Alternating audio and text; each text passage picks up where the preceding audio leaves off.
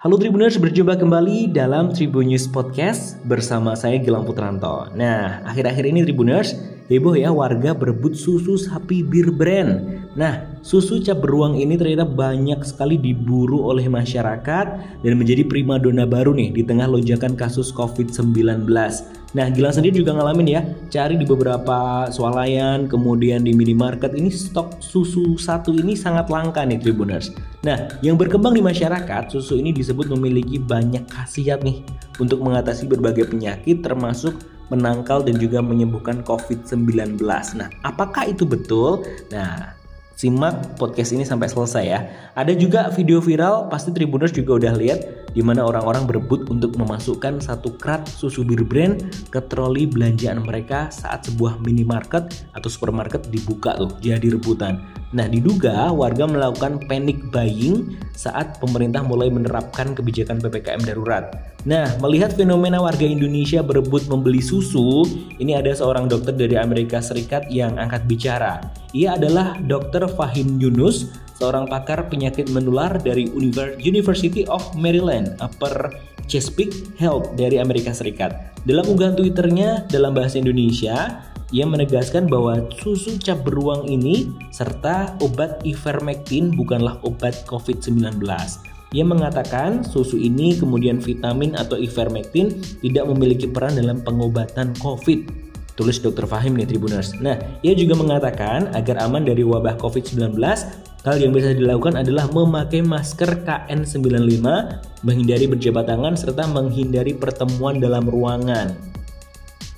Nah, tanggapan dari Ikatan Dokter Indonesia, Tribuners, juga soal susu ini, itu juga hampir sama nih, yaitu disampaikan oleh pakar dari Ikatan Dokter Indonesia, Profesor Zubairi Jurban.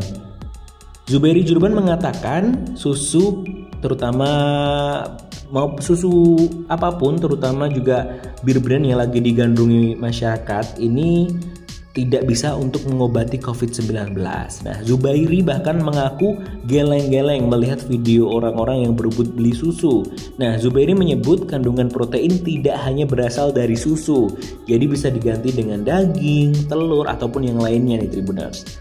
Nah, sementara itu tanggapan dari pakar gizi, ada pakar gizi dan juga pendiri Remanley Institute ada Tan Shot Yen, Dr. Tan, ini menilai Hal yang dapat mencegah penularan COVID-19 adalah penerapan protokol kesehatan yang ketat dan disiplin serta makan makanan sehat dan bergizi seimbang. Nah, ia menambahkan, studi terbaru menunjukkan susu tidak memiliki hubungan dengan risiko terinfeksi virus corona terkecuali ASI nih Tribuners. Nah, susu evaporasi, UHT, lalu susu cair sejenis, Disebut Dr. Tan semuanya sama. Tidak ada studi ilmiah yang menghubungkan konsumsi susu dan juga pencegahan penularan COVID-19. Satu-satunya pencegahan nih kata Dr. Tan adalah protokol kesehatan yang ketat Tribuners. Nah, ada juga nih pendapat dari ahli gizi Universitas Gajah Mada ada Rahadiana Muslihah ini mengatakan sampai saat ini belum ada penelitian yang membuktikan susu bisa untuk mengobati COVID-19. Nah, untuk bir brand juga disebut bukan obat nih Tribuners. Sampai sekarang pun belum ada obat spesifik untuk mengobati COVID-19. Sehingga ia menyebut klaim susu beruang bisa menyembuhkan COVID itu tidaklah benar. Nah, dosen Departemen Gizi Kesehatan UGM ini juga menyampaikan di dalam produk susu ini mengandung karbohidrat, protein, lemak, vitamin, serta mineral. Nah, kandungan gizi ini, Tribuners, tidak ada perbedaannya termasuk untuk produk susu beruang nih ya. Bisa dikatakan susu beruang padahal isinya susu sapi. Nah tidak ada perbedaan antara susu tersebut dengan produk susu lainnya.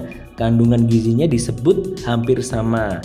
Nah lalu soal kandungan gizi ini ternyata bisa dicek juga di label kemasan. Nah hanya saja dalam produk susu beruang itu, varian kemasan warna putih merupakan produk susu murni atau 100% susu sapi. Nah, di dalamnya ini mengandung makronutrien, ada karbohidrat, protein, dan juga lemak nih Tribuners. Nah, sementara itu varian lainnya telah difortifikasi dengan vitamin dan mineral.